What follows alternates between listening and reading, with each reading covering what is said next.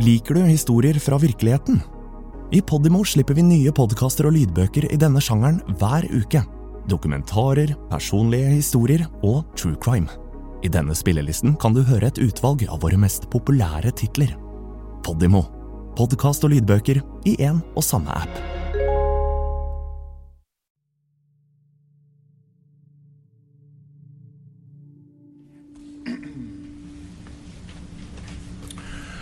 Are on the record at the beginning of media number one, volume one. This is the testimony of Elizabeth Holmes going on the record in San Francisco, California at 9 o'clock a.m. on July 11th, 2017. Ms. Holmes, please raise your right hand. Do you swear to tell the truth, the whole truth, and nothing but the truth? I do. Dette er stemmen til Elisabeth Holmes, grunnleggeren av helseselskapet Terranos, og på et tidspunkt verdens yngste selvlagde milliardær. Hun gir en vitneforklaring under ed, sommeren 2017.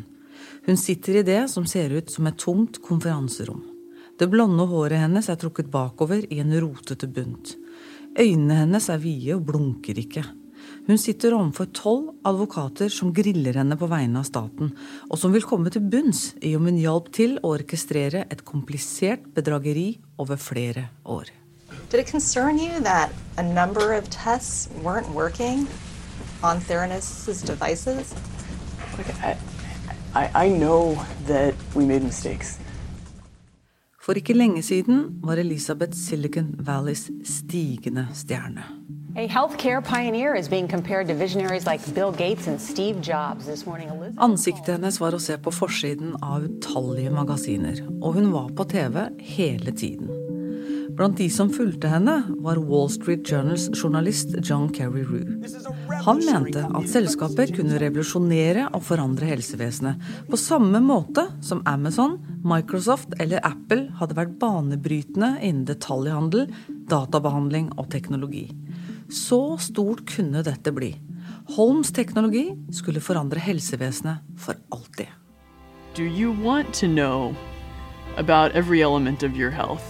Most people would say yes. Her er hun under et intervju med Bill Clinton. You founded this company 12 years ago, right? Tell them how old you were. I was 19. So,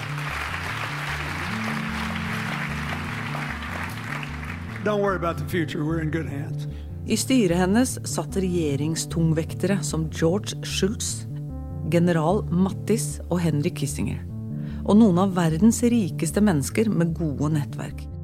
DeVos-familien, Walton-familien, Rupert Murdoch og ikke minst kraftfamilien fra The New England Patriots. Hun var en smart, kvinnelig administrerende direktør som skulle gjøre vidunderlige ting for verden. En fantastisk historie alle ville tro på og stilte seg bak.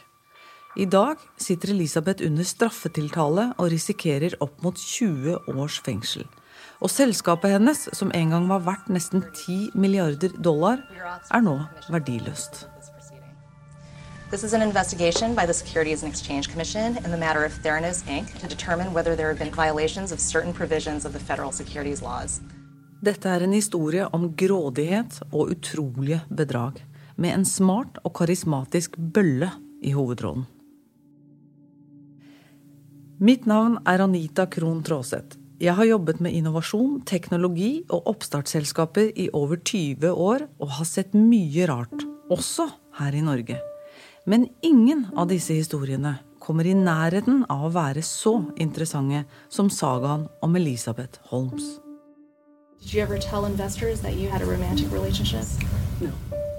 Det var romantikk på kontoret, milliarder av dollar som gikk tapt, og på toppen av det hele en utrolig tragedie. I løpet av de neste seks episodene skal jeg fortelle historien om Elisabeth Holmes gjennom opplevelsene til Terranos ansatte, pasienter, styremedlemmer og investorer, som til slutt avslørte hennes spill for galleriet. Historien om et moralsk sammenbrudd på høyeste nivå, og frykten som gjorde det mulig. Jeg vil ta for meg de viktigste utsagnene fra hundrevis av timer med vitneforklaringer, klippet og redigert av hensyn til tid. Du vil høre fra Elisabeth selv, partneren hennes Sunny Balvani, broren hennes og andre personer tett på historien. Om en trass grunnlegger som til den dag i dag nekter for å ha gjort noe galt. This is what happens when you work to change things. First they think you're crazy, then they fight you, and then all of a sudden you change the world.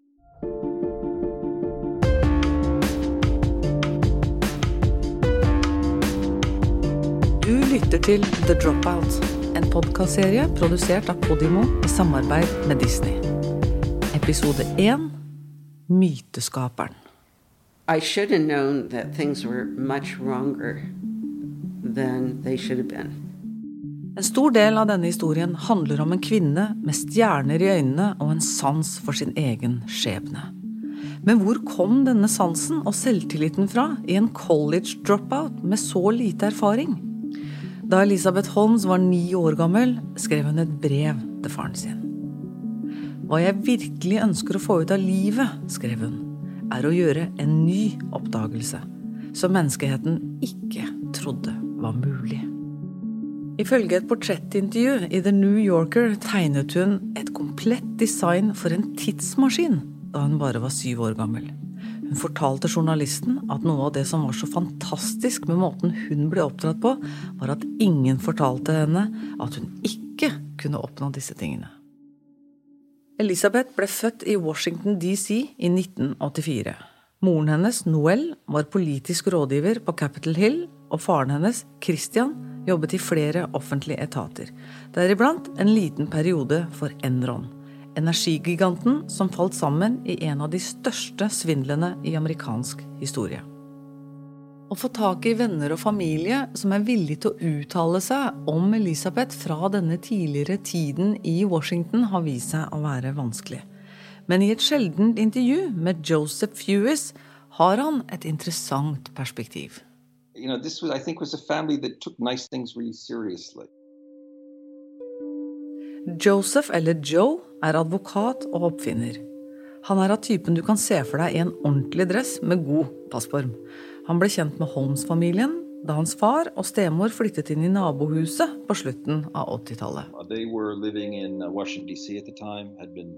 Han forteller at de to møttes første gang for vel 20 år siden, da hun var mellom 8 og 10 år. Elisabeth var datteren til en god venn av Joes stemor. De hadde vært naboer en gang i tiden, og stemoren til Joe, Lorraine, ble raskt venner med moren til Elisabeth. Parene gikk stadig ut sammen som et firkløver, men forholdet i konstellasjonen var nok best mellom Lorraine og Noel. Han beskriver faren til Elisabeth som en sjarmerende fyr på sin egen måte med gode manerer. Han snakket ganske ofte om hvor familien hans stammet fra, og det var en familie som tok fortiden sin på alvor. Joe sier at Christians familie kanskje er blant de siste mohikanerne. Men Christian Holms store stolthet virket å være hans families forbindelse til Fleischmanns gjærformue. Det var et mektig selskap med mye penger, men gjennom generasjonene hadde rikdommen tørket ut, og ifølge Joe var det noe som plaget ham. You know, I think he had a real sense of entitlement in terms of, of the sort of traditional importance of his family that had sort of eroded over the years. you know, I, I, think this sort of seeds of, you know, the, Elizabeth's uh, grandiose uh, vision or fantasy, as it were, for her business. I, I, think it very much connects to this paradise lost kind of family mythology. Det er viktig at man forstår dette intervjuet i en litt større kontekst. Det ble nemlig en stor feide mellom familiene mange år senere, som fikk Elisabeth til å saksøke Joes far, Richard, og sønnene hans pga. en uenighet over en patent som Terranos senere vant. Men flere som kjenner til situasjonen, er enige med Joes betraktninger. Blant annet Wall Street Journal-journalist John Kerry som har dekket Terrano-saken over mange år. Han mener at foreldrene i stor grad lengter tilbake til familiens storhetstid.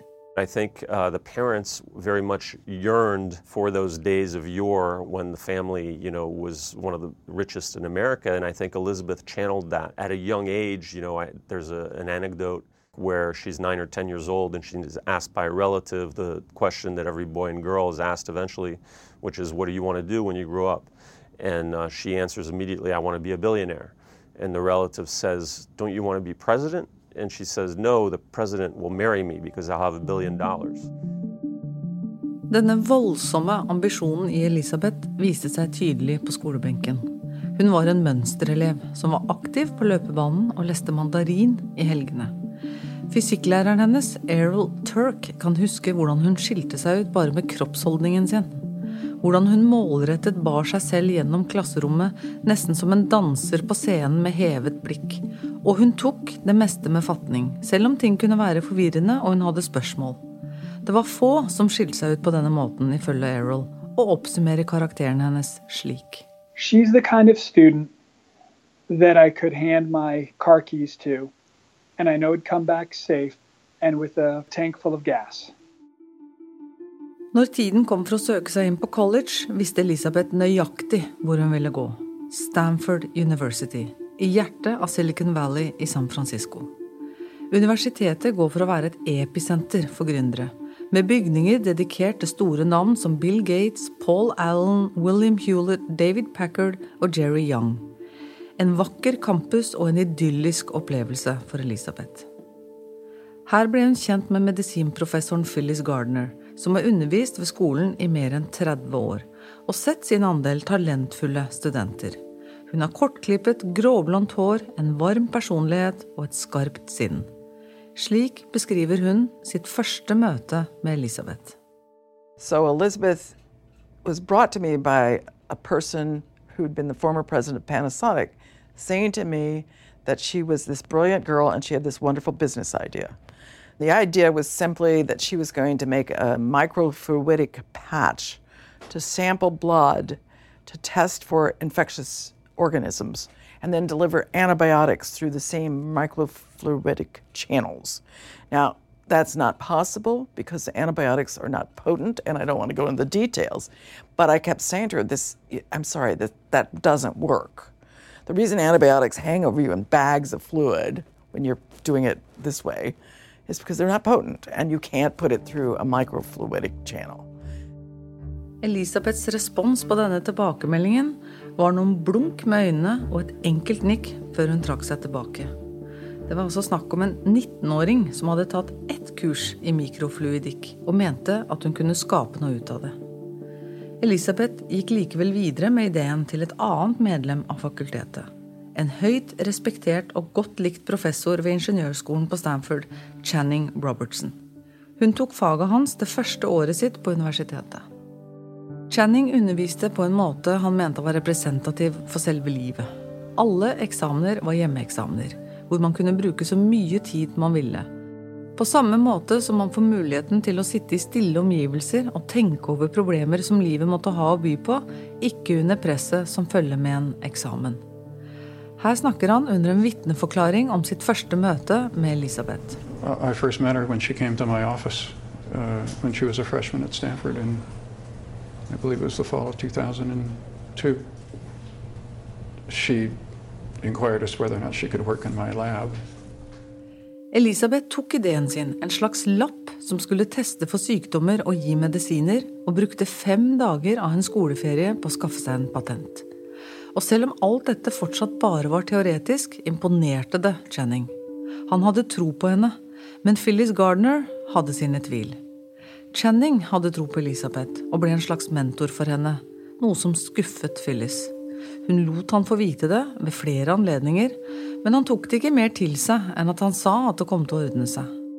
Channing introduserte Elisabeth for et par venturekapitalister som han tenkte ville ta seg tid til en prat om hennes visjon og ambisjoner.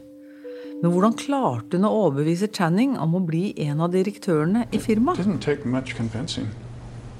I was very intrigued by her vision and felt it would be a really interesting uh, proposition to, uh, to be engaged with. She asked me if I would be on her board, and I said yes. Flere år senere hadde han dette å si til Bloomberg Business Week Magazine. Jeg tror det er folk som er som Mozart, Beethoven, Newton, Lavoisier, Einstein og da Vinci. De dukker opp en sjelden gang i generasjonsmessig forstand. Disse personene de blir forskere, artister og musikere, og disse tror jeg har en helt spesiell evne. Det ble mer og mer klart for meg at hun hadde denne evnen.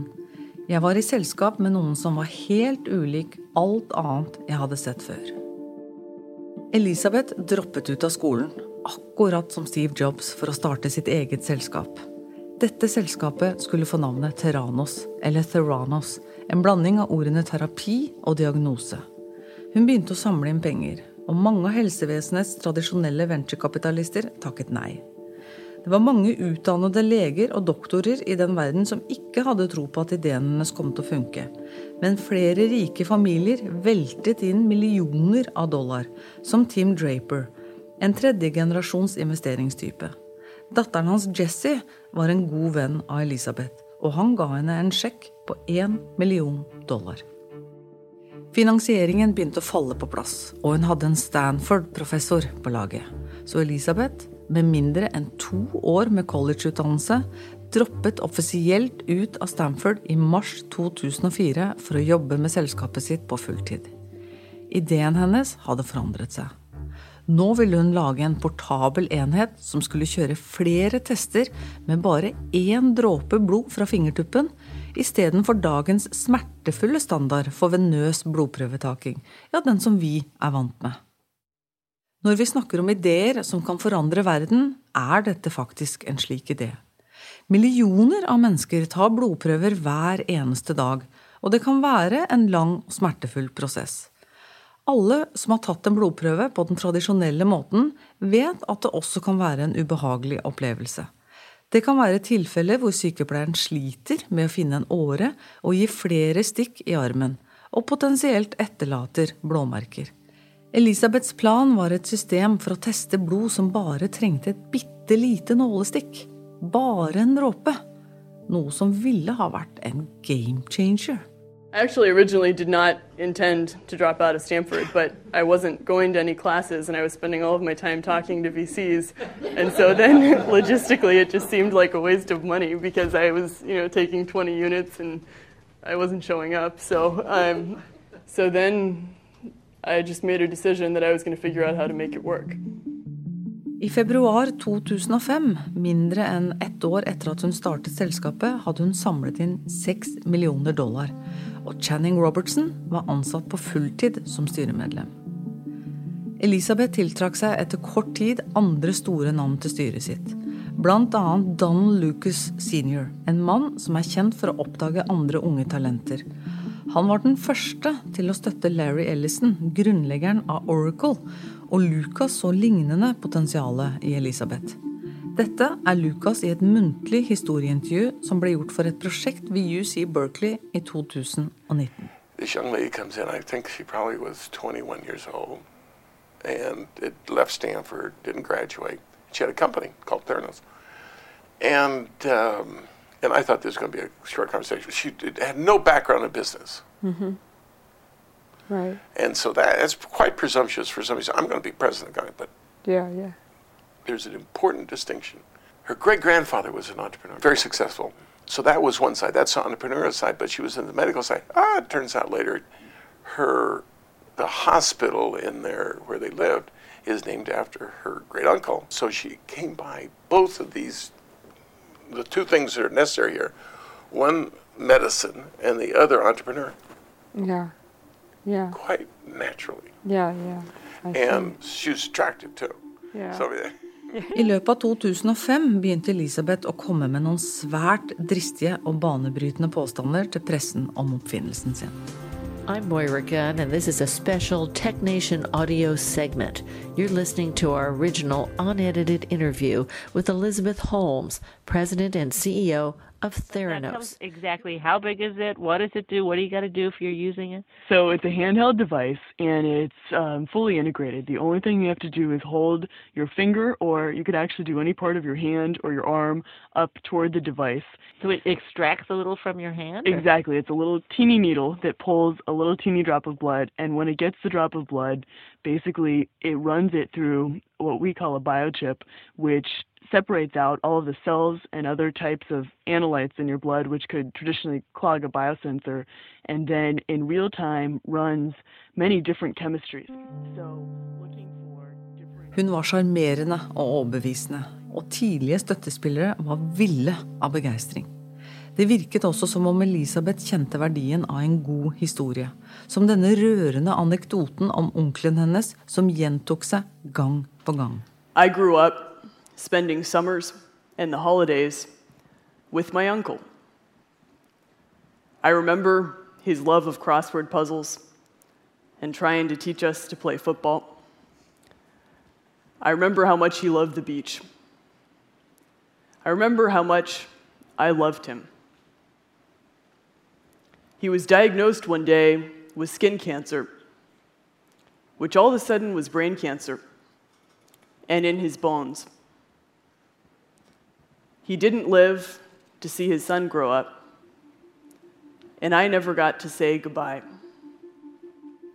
Elisabeth fokuserte mye på tap, og kraften av å miste noen som står en nær, ble et slags mantra som gjentok seg igjen og igjen. Create a world in which people don't have to say goodbye too soon. They say goodbye too soon. No one ever has to say, if only I'd known sooner. Elisabeth kom etter hvert til å si at enhetene hennes kunne redde soldater i akuttmedisinske helikoptre og på slagmarken i Afghanistan. At det kunne hjelpe mennesker over hele verden. We see a world in which no one has to go through the pain of traditional phlebotomy. I remember reading an email from the father of a little girl. He talked about taking her to the hospital and watching as they stuck her soft tissue again and again in the search for what he called the tiny invisible vein. Elisabeth ville intet mindre enn å være revolusjonær. Hun ville forandre menneskers liv over hele verden for alltid. Ifølge de som var rundt henne på denne tiden, så hun seg selv som den neste Steve Jobs. Terranos var raskt voksne. Holmes var nødt til å ansette mange teknologifolk for å realisere visjonen om én nålestikkstest. Hun ville at selskapet skulle ha samme type design som Apples første estetikk. Elisabeth var besatt av Apple, og mange av ansettelsene som ble gjort, var av folk som hadde tidligere erfaring derfra. En av de første rekrutteringene Elisabeth gjorde, og en stor ansettelse for Terranos, var Ana Ariola. Ana er en tidligere produktdesigner for Apple. Hun er morsom, personlig og elsker minimalistisk design. Noe hun inkorporerte da hun hjalp til med å lage utseendet til iPhone. Her forteller hun om sitt første møte med Elisabeth. when I was asked to meet this particular person who was leading this stealth startup, um, I didn't know who it was at the time. And it was a bit of a clandestine meeting. Um, and it turned out to be Elizabeth Holmes. Hei! Har du lyst til å høre mer som denne podkasten, men helt reklamefritt? Da vil jeg anbefale deg å laste ned Podimo-appen for en gratis prøveperiode. Ikke bare finner du kvalitetspodkaster innen alle sjangere, men også flere av de mest populære lydbøkene. Alt sammen i Podimo-appen. Um, we had a great conversation. It sounded like an incredibly compelling mission that was basically really thinking about the betterment of humanity. She's incredibly passionate. She's very energetic, very expressive with her hands, um, and has a very unique, distinctive voice that you just kind of get drawn into what it is that she's conveying, and her conviction and her belief really shines through. She really did believe she was changing the world, as did we. This was a once in a lifetime opportunity to jump ship, and we jumped ship. And unfortunately, I left 15,000 shares at Apple, but c'est la vie. Um, life continues on. Ana ble med i Tyrannos som sjefsdesignarkitekt med ansvar for utseendet og følelsen av Edison-enheten. Det var Terranos gjennombruddsteknologi. Den ser ut som en svart, rektangulær boks på størrelse med en skrivebordsprinter. Og så har den en opplyst skjerm foran. Maskinen skulle prosessere disse bitte små blodprøvene, og Elisabeth hun ville naturligvis at denne skjermen skulle ligne iPhone-skjermen, og at kabinettet skulle se ut som den originale Mac-en. Elisabeth hadde en visjon, men ifølge Ana kledde hun ikke helt denne rollen. Til å begynne med gikk hun med lite fasjonable julegensere, noe Ana syntes var litt merkelig. Og da det etter hvert ble et samtaleemne, fortalte Ana henne om hvordan Steve Jobs var inspirert av arven til Sony, med svarte, høyhalsede gensere laget av Issi Miyake. Elisabeth ville derfor finne ut av hvem er Issi Miyake, og resten er couture-historie. Hun forandret stilen sin i den samme retningen, og Ana mener det kanskje var til det beste. Elisabeth brukte nå svarte, høyhalsede gensere, akkurat som Steve Jobs. Noen mener også at stemmen hennes forandret seg dramatisk til en seriøs, mørk bariton. Phyllis Gardner forteller at hun ikke hadde denne stemmen da de møttes, og at det var pinlig å høre henne snakke med denne mørke, nye stemmen da de senere så hverandre igjen. De ansatte i Terranos hadde også sine opplevelser med stemmen til Elisabeth. Ana Ariola forteller om hvordan enkelte opplevde at hun kunne bryte karakteren sin. We didn't know that it wasn't her voice until much later. In all of my interactions with her, she never fell out of character. That was her voice. But other people that I worked with uh, actually had caught her fall out of voice. I think it was at one of the company parties, and maybe she had a little bit too much to drink or whatnot but she fell out of character and exposed that that wasn't necessarily her her true voice. Maybe she needed to be more convincing to project a persona within a room amongst male VCs. I'm not really quite sure. Av og til var også Elisabeth der før henne, men enkelte ganger kunne de ankomme helt samtidig. Og da kunne hun se at Elisabeth slapp seg fullstendig løs til hiphopmusikk bak rattet, med et hode som digget hemningsløst til takten. I Anas øyne var dette en side ved Elisabeth hun trodde at andre egentlig ikke skulle se. Elisabeth fortsatte å lykkes med rekrutteringen av Apples ansatte, og fikk flere av Anas tidligere kolleger på laget. Og hun møtte potensielle jobbtakere på Copa kafé i Palo Alto. Dette er et sted hvor tech-folk i Silicon Valley møtes for å snakke om de store ideene. Denne kafeen har rykte på seg for å være en plass hvor ting skjer. Sjekker på over 40 millioner dollar skrives der. Store avtaler blir gjort, og viktige samtaler finner sted. Så det passet fint med narrativet hennes, og rett inn i historien om Terranos. Anas tidligere kolleger Justin Maxwell og Adam Walmer møtte Elisabeth her for første gang. Og de ble med på laget, sammen med Mike Borley. Konen til Mike hadde jobbet i Apple med begge to. De anså hverandre som venner på arbeidsplassen. Mike og Justin jobbet på teamet til Ana med å designe Edison og annen produktsoftware. Her forteller Justin om hvordan lovord om Elisabeth fra Ana og de andre på teamet fikk han til å ta jobben. Anna and others uh, involved in my recruiting having hyped it up so much, I had just gone in there with this expectation that I was meeting brilliance. And so that thinking that I was meeting the next Steve Jobs, next Zuckerberg, something like that, um, that just created this impression of I was in awe of this person's drive. So for me, this was something that could make a positive dent on humanity. Adam var ingeniør og hadde et ønske om å jobbe for den neste Steve Jobs, og å se Elisabeth bli den lederen alle snakket om. Generally, I was like, yeah, this is somebody I want to come work for. We wanted to see her become that billion dollar leader. Like everybody wants to work for the next Steve Jobs. Det tok ikke lang tid før de begynte å innse at de jobbet med å designe noe for en Apple-aktig teknologi som faktisk ikke eksisterte. De forteller om en generell følelse av å bli ekskludert, og at det egentlig ikke var noe behov for Apple-designere i selskapet i det hele tatt. Det ga ikke mening til å begynne med, men når de fikk høre av andre at teknologien ikke fungerte, eller at vitenskapen ikke hang på greip, skjønte de etter hvert hva som var greia. Saken var at hun ville ha dem der, uansett om de ikke kunne gjøre noe verdifullt for selskapet ennå, fordi hele fundamentet var jo i ubalanse. På toppen av det hele sier de at Elisabeth bevisst arrangerte det slik at de ansatte jobbet isolert fra hverandre. De måtte sverge på hemmelighold om hva de jobbet med, fordi hun mente at det var sensitiv informasjon. Det var som om den venstre hånden ikke visste hva den høyre drev med i selskapet. Adam og Justin beskriver det som langt utover mikrostyring. At det var som om hun aktivt forsøkte å skape friksjon mellom de ansatte. En fullstendig mistillit i organisasjonen hun hadde bygget under seg. Men til tross for dette kaoset klarte hun også å karre til seg Avi Tivanian fra Apple, Steve Jobs høyre hånd. Han ledet software-teamet som utviklet Mac OS 10. Avi er til og med å se i filmen om Steve Jobs. Avi Tavanian is our chief software designer, and he wrote a demo program. It's like we built a great car, we haven't built the engine. So we put a golf cart battery in there to make it go for a little bit. Avi ble med i styret i 2006, men han ble fort frustrert over hva han så. Han mener hun ikke var forberedt på at han skulle stille vanskelige spørsmål om hva som foregikk, og at hun unngikk å gi ham tydelige svar.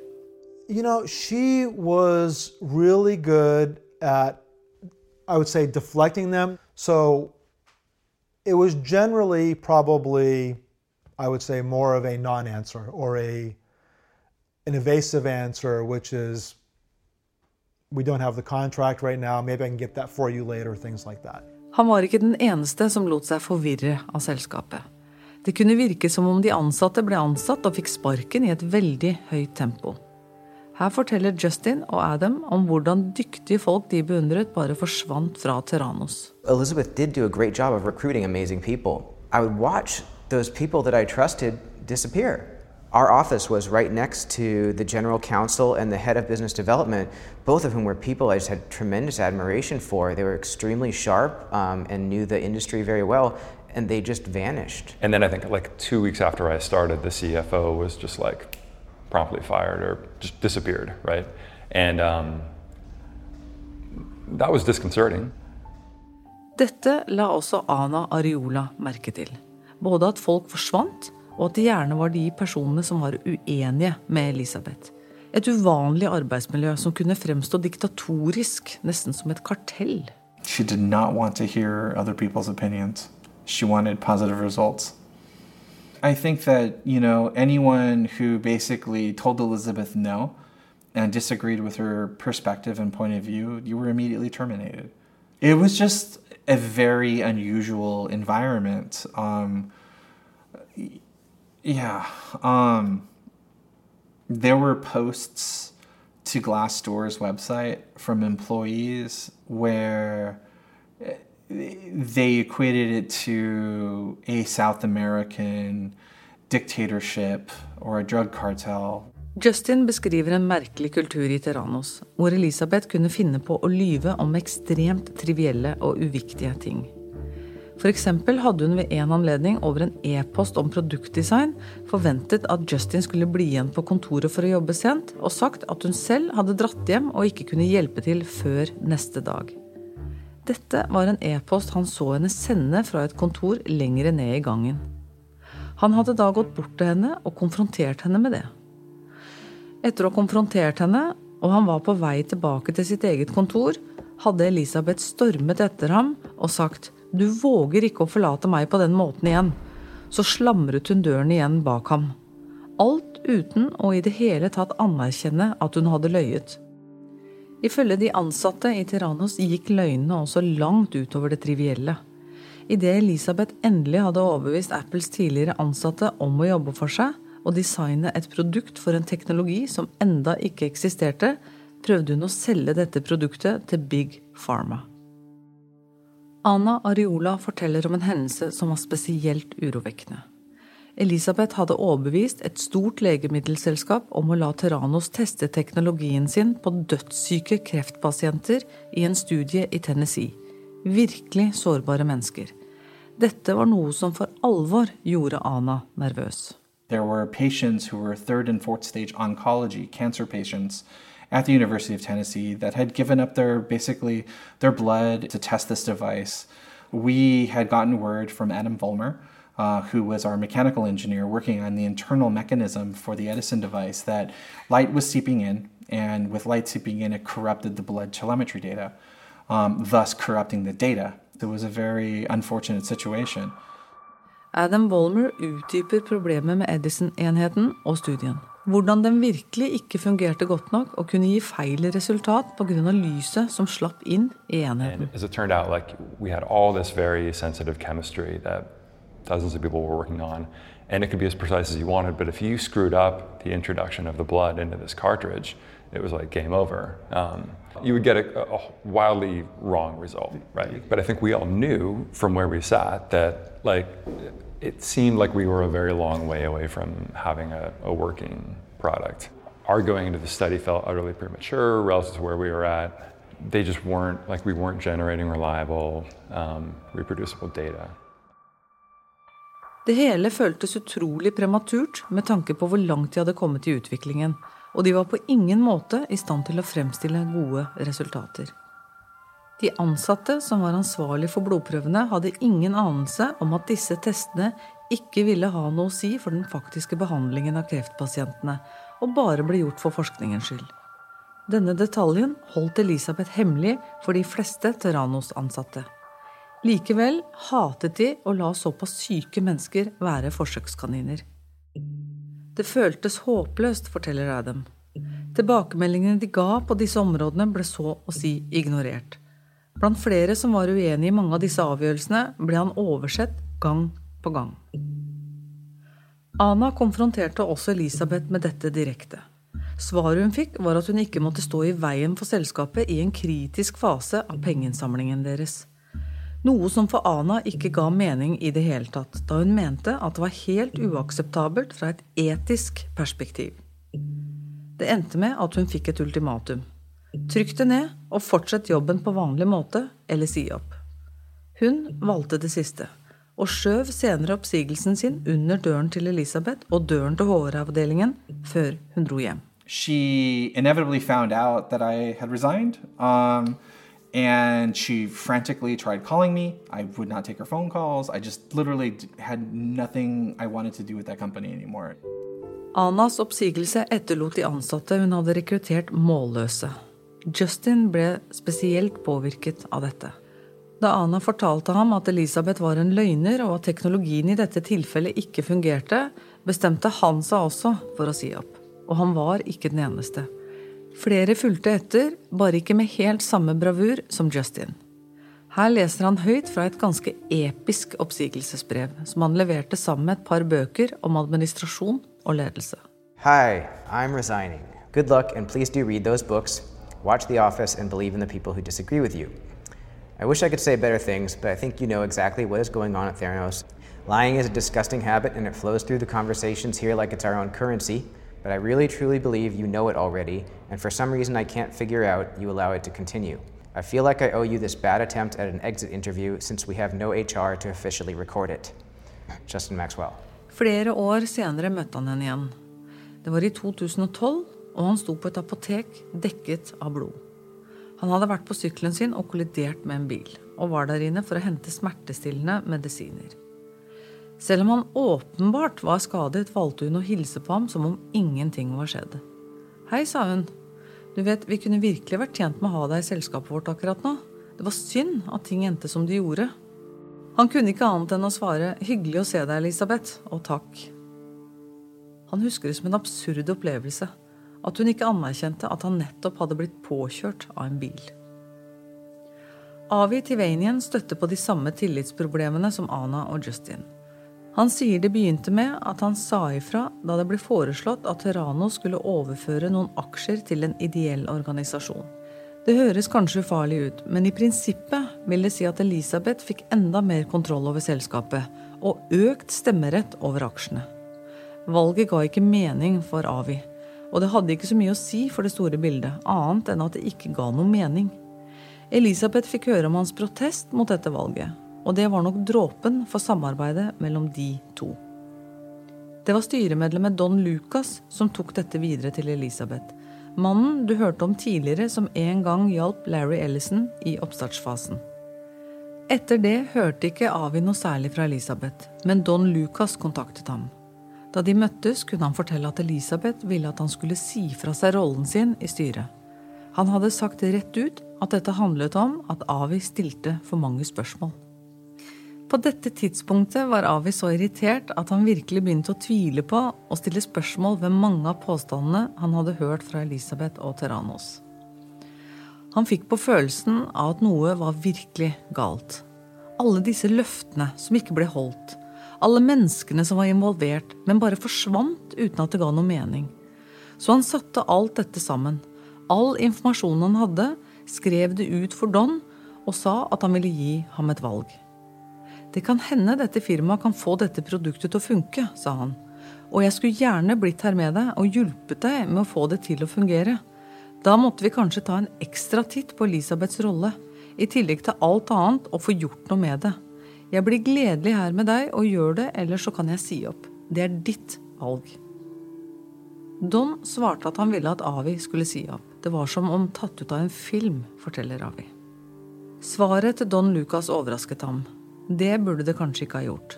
Men grunnen til at han ble så overrasket, var at han hadde lagt så mye arbeid i å finne ut så mange ting som åpenbart ikke fungerte i selskapet. Ting som han mente kunne repareres, og han hadde vel, kanskje naivt, antatt at Don ville høre på han. Men på det tidspunktet var Dons eneste mål å støtte Elisabeth, og han trodde på alt hun sa. Han trodde helt oppriktig at hun var den neste Steve Jobs. Men møtet endte ikke bare med Avis oppsigelse. Don sa at han trengte en siste ting fra Avi.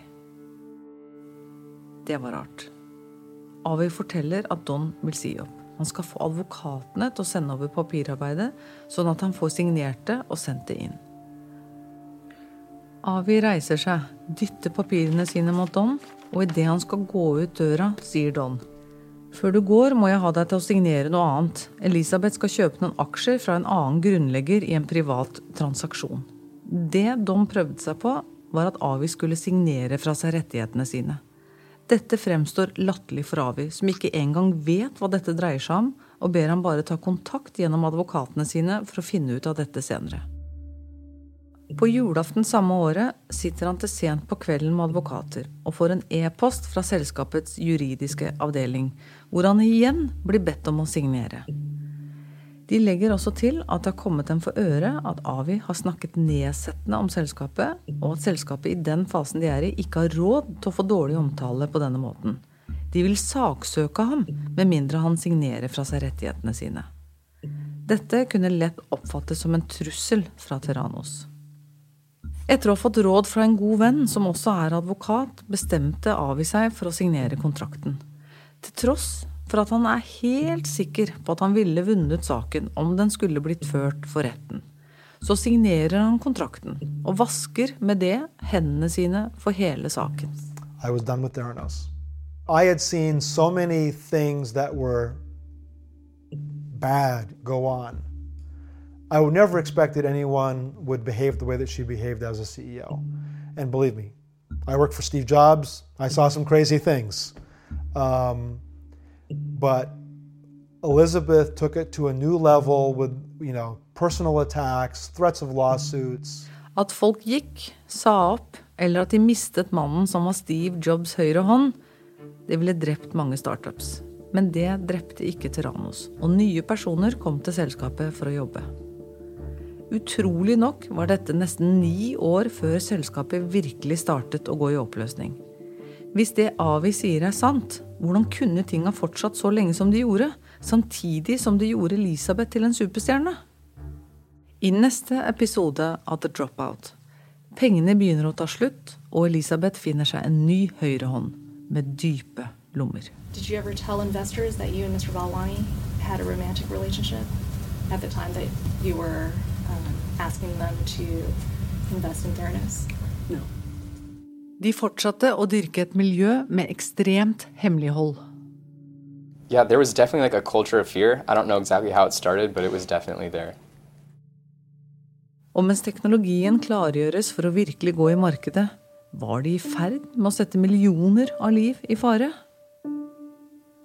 I forarbeidet til denne podkasten har Elisabeth Holmes, Lorraine Fewis, Channing Robertson og Donald Lucas ikke kommentert eller svart på forespørselen om en uttalelse. Originalmanuset av The Dropout er skrevet av Taylor Dunn, Victoria Thompson og Rebecca Jarvis. Podkasten er klippet av Chris Berube, og musikken er laget av Evan Viola. Den originale podkasten er produsert av Nightline og ABC Radio. Denne podkasten er et samarbeid mellom Disney og Podimo. Manuset er tilpasset til norsk av Sigve Kvidvik, og denne podkasten er produsert av Emilie Krogh Johannessen. Mitt navn er Anita Krohn Traaseth.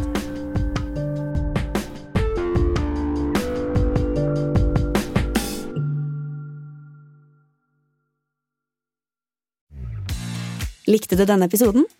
Så del den, da vel. Fortell en venn hva du hører på, og gi følelsen av god lytting i gave til noen du bryr deg om.